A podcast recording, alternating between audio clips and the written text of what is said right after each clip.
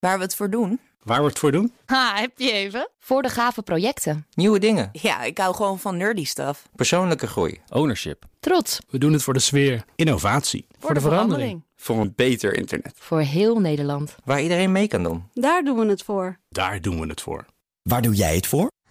Kom werken voor KPN en groei op jouw manier. Check de actuele vacatures op het gebied van data, security, development en networking op jobs.kpn.com/tech. Wetenschap vandaag. Klopt het model voor het ontstaan van de menselijke taal wel? Daar gaan we het namelijk over hebben met jou, Carlijn. Ja. En we zijn, ik ga het maar onthullen, nou, dat weet ik, omdat je het me verteld hebt. We zijn in het regenwoud. En je gaat me ongetwijfeld vertellen waarom. Dat wordt zo helemaal duidelijk. Eh, maar laat ik beginnen bij het begin. Het ontstaan van taal is natuurlijk een enorm belangrijke ontwikkeling in de evolutie geweest. Maar hoe en wanneer het precies is ontstaan, daar is nog een heleboel onduidelijk over. Twee eeuwen geleden kwamen Harvard-wiskundigen met het idee dat de eerste woorden in de eerste grammatica ontstonden in reactie op problemen bij het overbrengen van een signaal. Oké, en hoe werkt dat dan precies? Um, nou, stel je, je roept iets naar iemand ver weg, zoals ook onze voorouders in de jungle waarschijnlijk deden. Dan gaat over een afstand aardig wat geluid en informatie verloren, was het idee. Om die reden zouden ze klanken aan elkaar zijn gaan rijgen. om het zo beter over te kunnen brengen. Om duidelijker te kunnen maken wat er nou werd bedoeld. Het idee is dus hoe langer de combinatie van klanken, hoe minder snel de boodschap verward kan worden met een andere boodschap. Maar dit is natuurlijk een theorie. Echt tastbaar bewijs was er niet. En dat hebben ze nu wel proberen te vinden. Ja, en hoe doen ze dat dan? Want ze kunnen moeilijk, eh, tenminste, die teletijdmachine, die is er nog niet. Nee, precies. Uh, maar er leeft nog wel een dier in het wild waar ze naar kunnen kijken. De orang-oetang. Ah. Uh, uh, de klinker- en medeklinkerachtige klanken van deze mensapen... en de lettergrepen die ze daarmee soms vormen... worden gezien als de voorlopers van de menselijke taal. Ook zij maken klanken, niet alleen met de stem... maar ook met de vorm van de mond, met de tong, met de lippen... de t, bijvoorbeeld. Wat werd de hoofdvraag van het onderzoek? Is er inderdaad sprake van informatieverlies? Is dat inderdaad waarom de combinaties van klanken ingewikkelder werden? Omdat er dus iets verloren ging over die lange afstanden. En snap ik wel waarom we in het regenwoud zijn Ja, precies. Ja.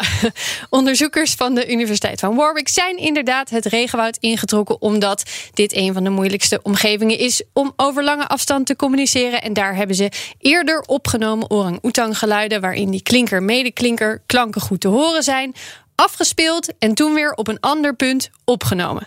Dit deden ze telkens op een andere afstand, begonnen bij 25 meter, eindigden bij 100 meter. En daarna zijn ze de kwaliteit van het signaal gaan analyseren. Wat bleek toen?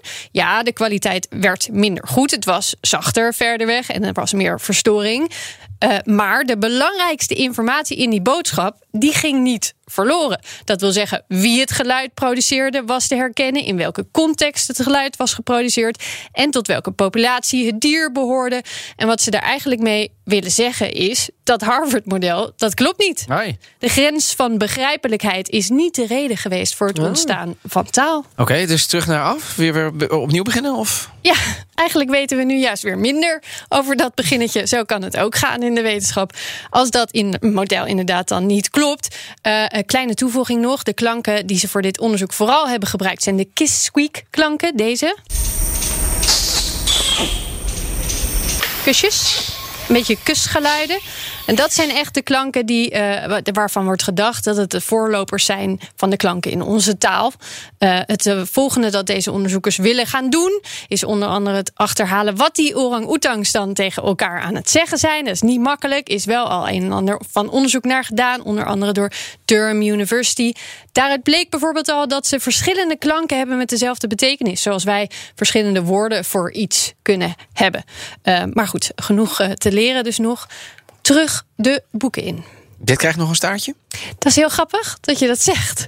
Uh, want ander recent onderzoek heeft iets ontdekt over de staart die onze voorouders Oh ja. zo'n 25 miljoen jaar geleden zijn verloren. Oh, mooi dit. Nou is lange tijd gedacht dat dit geleidelijk gebeurde, steeds een beetje korter totdat hij weg was. Maar dankzij nieuw genetisch onderzoek is waarschijnlijk de genmutatie gevonden waardoor die staart verdween. Oh. En als het klopt dat dit de mutatie is, zou dat betekenen dat het helemaal niet over lange tijd gebeurde, maar juist heel snel, evolutionair gezien dan. En dat lijkt me een leuk uiteinde voor deze aflevering. Ik Ben het helemaal mee eens. Dankjewel, Carlijn.